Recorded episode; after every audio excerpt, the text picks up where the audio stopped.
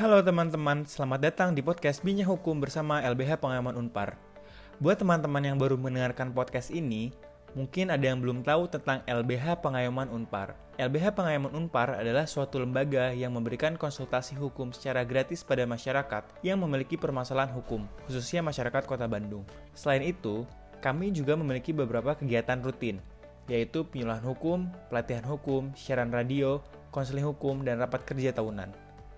Berhubung saat ini kami tidak dapat menerima konsultasi hukum secara tatap muka, bagi teman-teman pendengar yang memiliki permasalahan hukum dan hendak melakukan konsultasi dapat menghubungi kami melalui email di lbh.pengayoman@unpar.ac.id atau melalui media sosial kami untuk Instagram di @lbhpengayoman, Twitter @lbh underscore pengayoman, dan Facebook di LBH Pengayoman. Informasi lebih lanjut mengenai LBH Pengayoman Unpar dapat diakses melalui www.lbhpengayoman.unpar.ac.id. Episode kali ini, kami akan membahas materi mengenai sidang pengadilan dan arbitrase secara online bersama Bapak John Anthony Manogari Tobing, SH, LLM, ACIARB. Kalau begitu, tidak perlu berlama-lama lagi. Simak podcast berikut ini.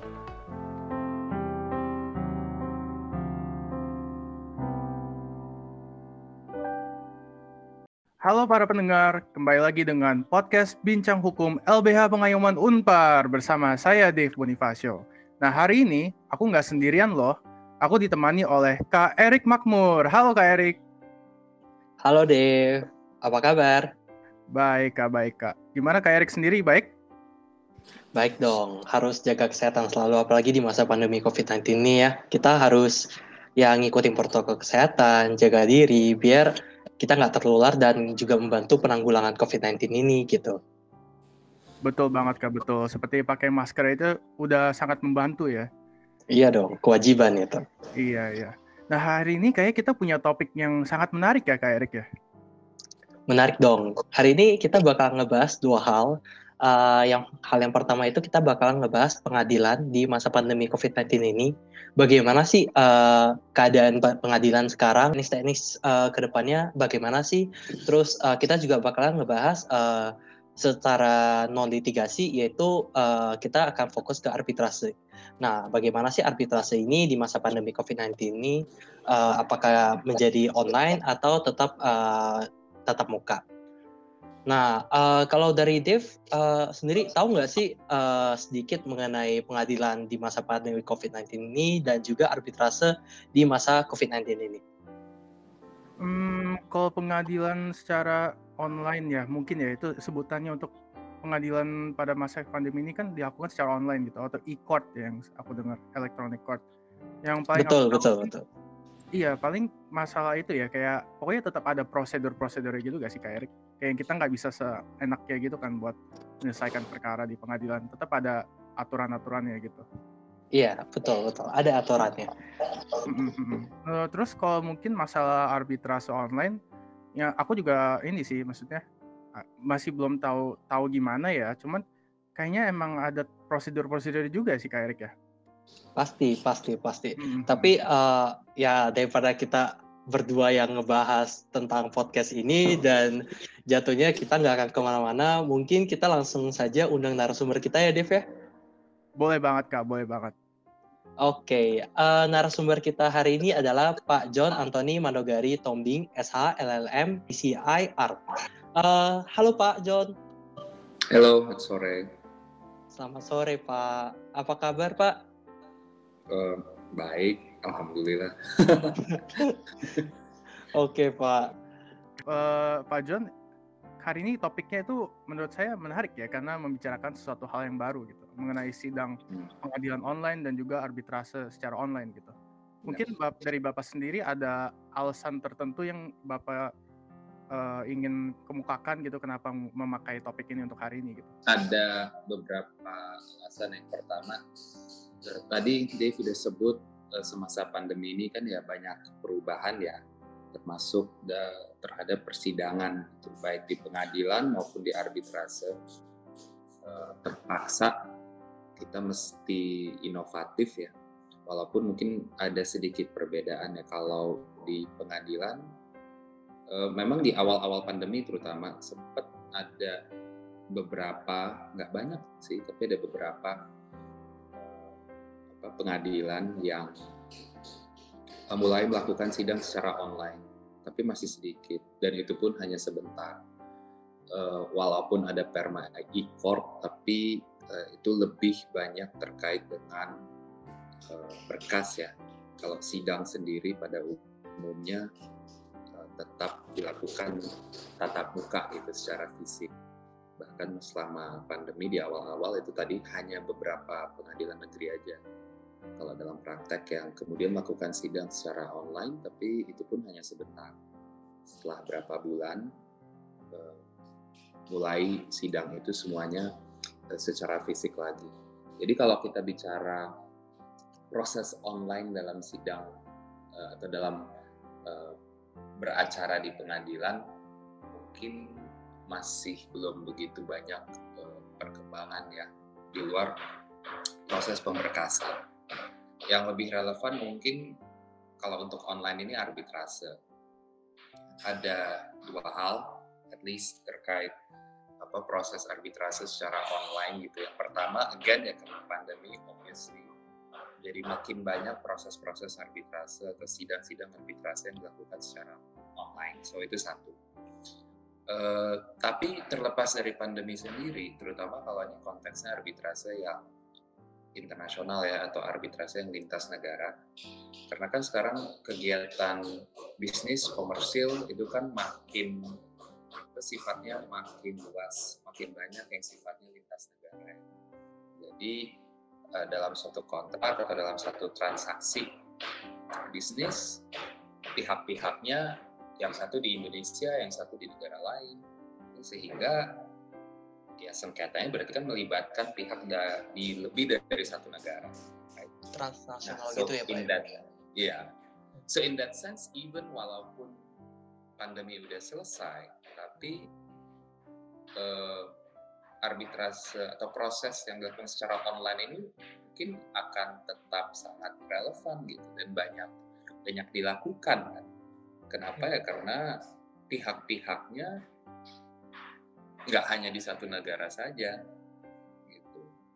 Uh, sehingga mungkin banyak yang akan tetap mempertimbangkan bagaimana sidangnya apabila dilakukan secara online gitu, dibanding harus uh, apa uh, traveling ke hmm, negara biaya ya pak berbeda. Walaupun nanti kita akan bicara soal cost atau soal biaya ya hmm. kita akan bicara lebih lanjut kira-kira kira-kira mungkin seperti itu hmm, baik pak berarti uh, di masa pandemi ini pengadilan itu malahan lebih difokuskan uh, ke pemberkasannya ya pak ya kalau di dalam segi online malahan yang uh, pengadilan yang secara online yang beneran pengadilannya itu dilaksanakan hanya dalam beberapa bulan um, Pak. No, maksud uh, saya maksud saya hmm no maksud saya gini tadi kan uh, mungkin Dave ya yang sempat sebut perma mengenai mm -hmm. ya. Nah kalau kita lihat perma ikor itu kan uh, hampir semuanya difokuskan pada proses pemberkasan jadi uh, yang dimaksud dengan ikor itu mulai dari gugatan sampai jawab jinawab itu dan seterusnya itu dilakukan secara uh, online gitu lewat uh, lewat lewat media online nggak perlu datang langsung ke pengadilan. Nah, dalam praktek, even sebelum pandemi, walaupun prosesnya dilakukan berdasarkan perma impor, namun untuk sidang, ya, terutama eh, apa, pemeriksaan eh, bukti dan saksi, hmm. kan tetap nggak dilakukan secara online, tetap sidang fisik juga gitu.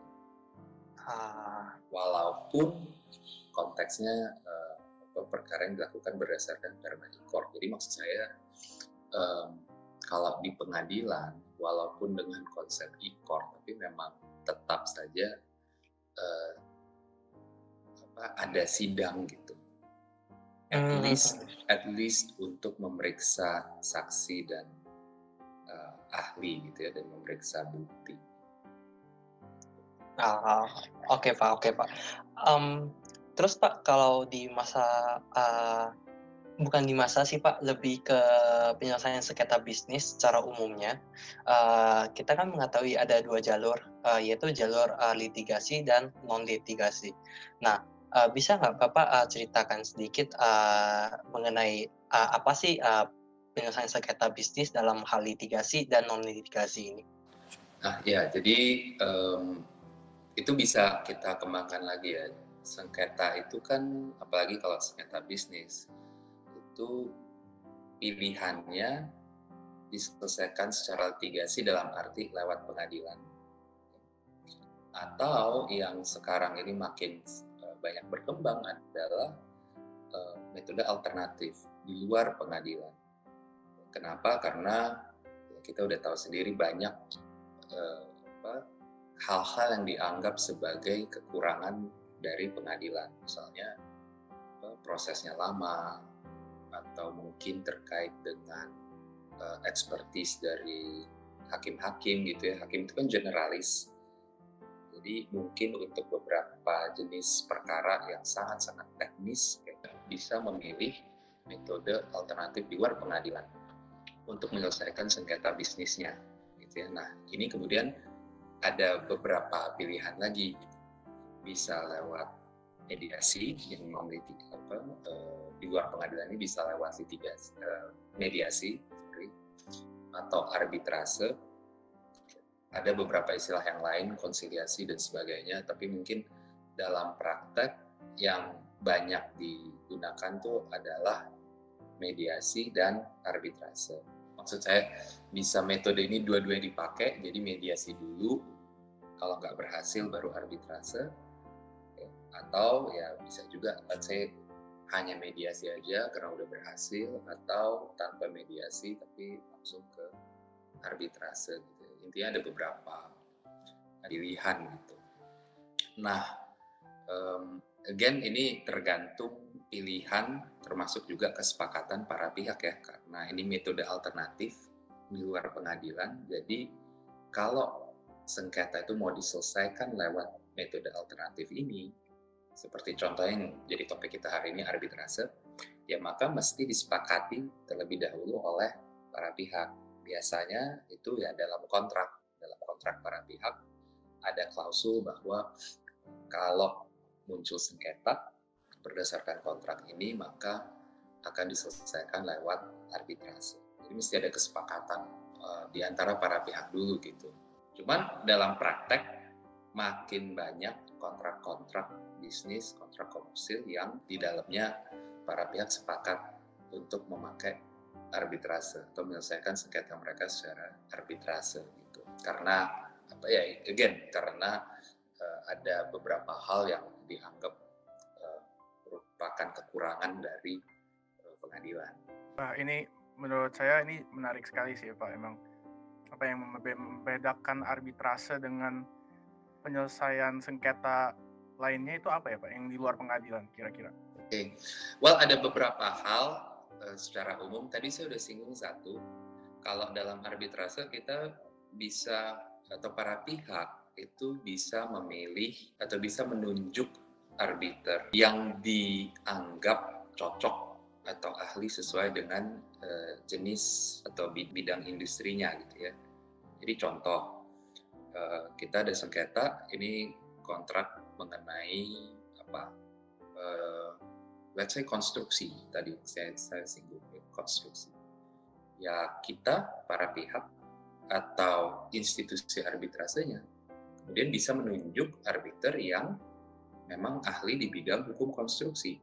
Atau ini sengketa komersial yang lain. Let's say misalnya ini sengketa terkait uh, shipping pelayaran gitu, kayak pengiriman barang ekspor impor mesti ada shippingnya kan gitu. Betul, atau muncul sengketa di antara para pihak. Ya entah para pihak atau institusi arbitrasenya bisa menunjuk arbiter yang memang ahli di bidang shipping gitu. beda dengan kalau di pengadilan kan again seperti yang saya bilang pengadilan tuh hakim-hakimnya generalis ya uh, sebagian besar hakim itu kan bukan ahli di bidang hukum tertentu ya Hmm, ya, nah, ya apa pun sengketanya kan mesti diterima. Iya betul pak. Tunjuk gitu ya. Nah itu satu hal, itu hal yang pertama. hal yang kedua yang terutama sangat relevan dengan topik kita adalah mengenai prosedur. Jadi prosedur di arbitrase itu bisa lebih fleksibel dibanding kalau di pengadilan. Kalau di pengadilan prosedur itu kan udah udah rigid nggak bisa diubah-ubah gitu. Sudah ada aturannya gitu ya pak? Udah ada aturannya. Well dalam arbitrase juga ada aturannya. I'm not suggesting that mm -hmm. apa ya nggak ada aturan, cuman aturannya lebih fleksibel mm. atau prosedurnya itu lebih fleksibel, bisa disesuaikan oleh para pihak tergantung keadaan, tergantung kebutuhan mereka gitu ya. Contoh kalau dalam pengadilan ya sidang itu ya, keniscayaan kan mesti ada. Hmm. Kalau dalam arbitrase bisa saja para pihak uh, menyepakati bahwa nggak perlu ada sidang. Jadi uh, pemeriksaannya atau perkara itu diputus oleh arbiter semata-mata berdasarkan dokumen. Oh. Berdasarkan berdasarkan ya jadi secara tertulis gitu semuanya berdasarkan apa uh, permohonan arbitrasenya plus jawaban dari si termohon dan dokumen-dokumen yang jadi ya, dijadikan bukti gitu oleh para pihak itu bisa aja nggak hmm. ada nggak ada nggak ada sidang gitu. Ya. kalau let's say mungkin nilai perkara nggak begitu besar atau misalnya memang nggak ada nggak ada saksi jadi yang ada hanya bukti-bukti tertulis aja mungkin saja kan dalam hal seperti itu ya para pihak untuk demi efisiensi waktu belum lagi efisiensi biaya maka para pihak atau arbiter menilai dan menyepakati bahwa nggak perlu ada sidang gitu ya. Cukup semuanya tertulis. Itu itu satu contoh. Jadi lebih fleksibel bisa disesuaikan. Yang kedua uh, dan again ini makin apa uh, khusus spesifik terkait topik kita ya mungkin ya sidangnya dilakukan secara online. Dalam hal ini arbitrase itu memungkinkan untuk lebih fleksibel daripada sidang pengadilan ya. Dan memang dalam terutama dalam situasi pandemi ini, jadi hampir semua proses arbitrase itu sekarang online. Apalagi kalau para pihak nggak di kota atau satu negara yang sama. Gitu. Tapi even di Indonesia sendiri juga sejak pandemi ini Bani uh, secara resmi uh, mengeluarkan guidelines atau panduan yang memungkinkan sidang-sidang arbitrase Bani dilakukan secara uh, online gitu ya. Ya, itu intinya para pihak dalam proses arbitrase bisa lebih fleksibel gitu menyesuaikan prosedur sesuai dengan uh, kebutuhan mereka gitu. Baik Pak, baik. Ini berarti ya memang apa ya arbitrase ini kayaknya bisa menjadi suatu hal yang lebih digunakan oleh masyarakat ya Kak Erik ya mungkin karena aku lihat-lihat juga eh, kalau misalkan seperti pengadilan itu bisa memakan proses dan waktu yang cukup lama gitu mungkin bahkan bisa berbulan-bulan ya gak sih Kak Erik? Betul betul betul. Terlebih lagi uh, di arbitrase ini dari yang Pak John katakan uh, itu keuntungannya itu uh, ya itu sangat ada gitu bagi uh, para pebisnis yang uh, sedang menghadapi sengketa di antara mereka. Mulai dari mereka akan mendapatkan uh, seorang arbiter yang sangat mengerti masalah yang sedang mereka hadapi, terus uh, aturan atau prosedur yang uh, ingin mereka laksanakan itu lebih uh, fleksibel. Nah, itu tentu banyak sekali keuntungan yang didapatkan ketika kita menjalankan arbitrase dibandingkan dengan pengadilan. Nah, saya uh, kepikiran Pak, ada nggak sih syarat-syarat uh, bagi uh, para pebisnis yang ingin melakukan uh, penyelesaian sengketa uh, secara arbitrase ini? Sepanjang ini sengketa bisnis ya atau sepanjang ini perkara bisnis, maka prinsipnya bisa diselesaikan lewat arbitrasi. Again, sepanjang ini merupakan hubungan uh, komersil gitu ya, hubungan bisnis. Yang paling esensial dan yang penting ya adalah para pihak mesti menyepakati gitu bahwa sengketa akan diselesaikan lewat arbitrase. Kalau nggak ada kesepakatan di antara para pihak, maka nggak bisa uh, sengketa diselesaikan lewat arbitrase, mesti lewat pengadilan. Gitu. Nah, kesepakatan ini di mana gitu dan uh, apa yang jadi dasar kesepakatan para pihak tersebut ya di perjanjian pada umumnya kan. Makanya uh, dalam kontrak, kalau dalam kontrak kan uh, itu, itu udah standar ya, sering atau hampir selalu ada klausul penyelesaian sengketa kan bahwa kalau ada sengketa yang muncul berdasarkan kontrak atau perjanjian ini, maka para pihak akan menyelesaikan di mana. Gitu ya. Kalau memang para pihak mau menyepakati akan diselesaikan di arbitrase, ya disebut di klausul penyelesaian sengketa itu gitu ya. Jadi prinsip uh, simpelnya adalah untuk dapat menyelesaikan uh, sengketa bisnis atau komersil melalui arbitrase, ya para pihak mesti menyepakati itu gitu, di kontrak atau di uh, perjanjiannya. Prinsipnya sih itu. Dan yang kedua, terutama yang terkait uh, proses secara online, ya para pihak kemudian juga perlu menyepakati, at least uh, pada awal atau dimulainya proses arbitrase. Mereka perlu menyepakati bahwa oke okay, proses arbitrase ini akan dilakukan secara online, sidangnya dilakukan secara online gitu. Baik Pak, baik Pak. Berarti ini syarat-syaratnya ini lebih kepada persetujuan para pihaknya gitu ya Pak, dari konsensualisme antara para pihak itu gitu. Iya memang. Jadi consent atau persetujuan para pihak itu kan memang jadi apa ya? Jadi unsur esensial ya. Jadi cornerstone dari arbitrase. Kenapa? Ya karena kembali lagi ini ini kan metode alternatif Ya, arbitrasi itu kan bisa dianggap apa ya? Proses pengadilan swasta gitu. Mungkin ya kalau mau dianggap uh, bahasa awamnya. Sehingga segala sesuatunya ya mesti berdasarkan persetujuan para pihak gitu kan. Karena kan para pihak sifatnya setara, nggak ada yang posisinya lebih tinggi satu dengan yang lain gitu ya.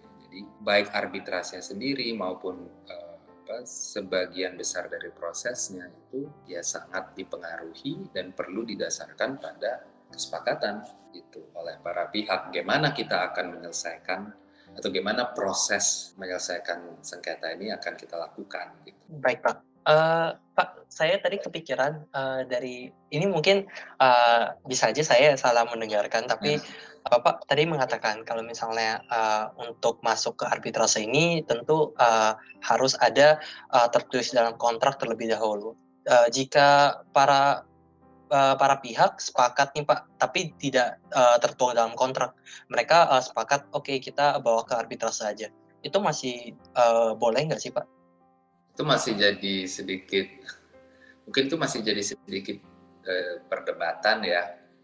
Uh, kalau di Eh, Undang-Undang Arbitrase, Undang-Undang 30 tahun 99 itu disebut kesepakatan mesti di, uh, dibuat secara tertulis. Ini masalahnya ya apa yang kita maksud dengan tertulis gitu. Tapi uh, menjelaskan kalau dalam kontrak ya pasti tertulis. Gimana kalau kesepakatan itu uh, contoh misalnya para pihak meeting dalam meeting itu si A menawarkan, oke okay, kita ini kita ada sengketa kita selesaikan aja lewat arbitrase. Terus yang B bilang setuju, oke okay, fine, lalu dituangkan dalam uh, let's say berita acara atau catatan rapat secara tertulis, ya kan? Hmm. Itu itu dianggap tertulis nggak atau tidak? Gitu.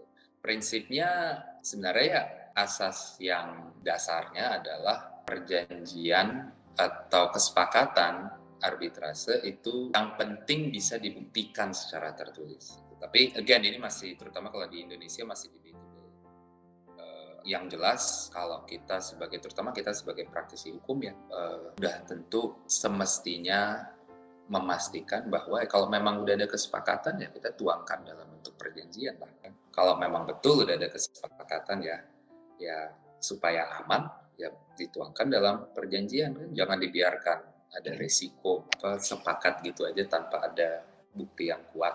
Terus langsung jalan ke langsung ya, jalan lanjut ke arbitrase itu kan itu mengundang masalah itu. Kan itu rentan kemudian jadi masalah di kemudian hari. Karena putusan arbitrase itu kan masih bisa dibatalkan nantinya oleh pengadilan. Salah satunya kalau ternyata nggak ada kesepakatan yang sah Baik, baik Pak. Uh, berarti memang ini ya di dalam walaupun arbitrase ini fleksibel, tapi juga ada aturan-aturan yang harus fix dipatuhi gitu ya Pak. Jadi misalkan dari konsensualisme itu kemudian dituangkan dalam kontrak supaya memiliki hmm. kekuatan hukum yang tetap gitu ya.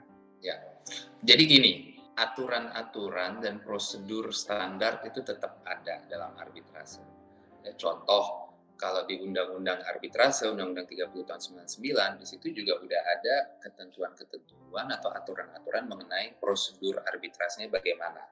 ya urutan-urutannya seperti apa dan aturan-aturan acaranya seperti apa itu ada dan di setiap institusi atau badan arbitrase sendiri contoh misalnya BANI Badan Arbitrase Nasional Indonesia atau kalau di luar SIAC Singapore International Arbitration Center itu masing-masing udah ada prosedurnya.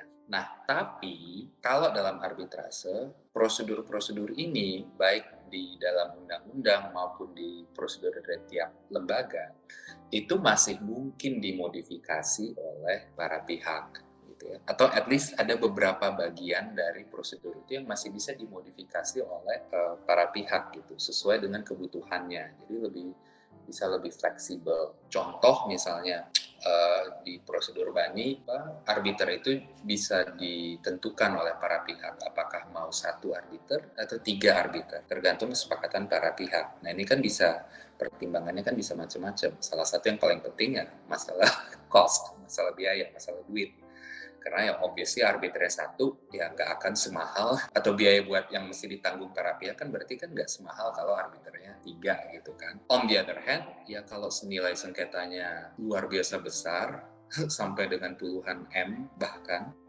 ya mungkin kan para pihak akan mikir dua kali kan masa sengketa segede ini hanya diputus oleh satu orang? Sebaiknya mungkin diputus oleh tiga kan kenapa kan bisa kan saling berdebat dulu gitu. Ada kalau cuma satu orang aja digantungkan semata-mata sama satu orang.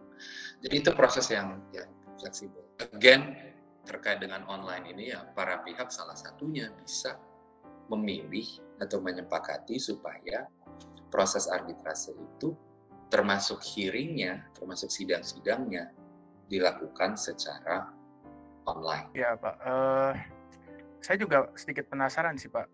Apakah seluruh perkara itu bisa diselesaikan secara arbitrase dan dengan online gitu Pak? Uh, terutama kalau mengenai masalah online ya, apakah bisa atau enggak, itu wah, pertama kita udah bahas gimana at least kalau dari sisi hukumnya bisa secara online sepanjang para pihak uh, sepakat untuk itu.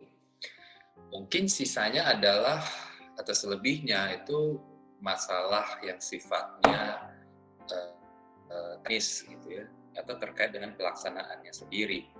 Apakah bisa online atau enggak dan apakah para pihak mau uh, dan apa ya, akan memilih untuk sidang secara online itu bisa tergantung sama beberapa hal gitu ya.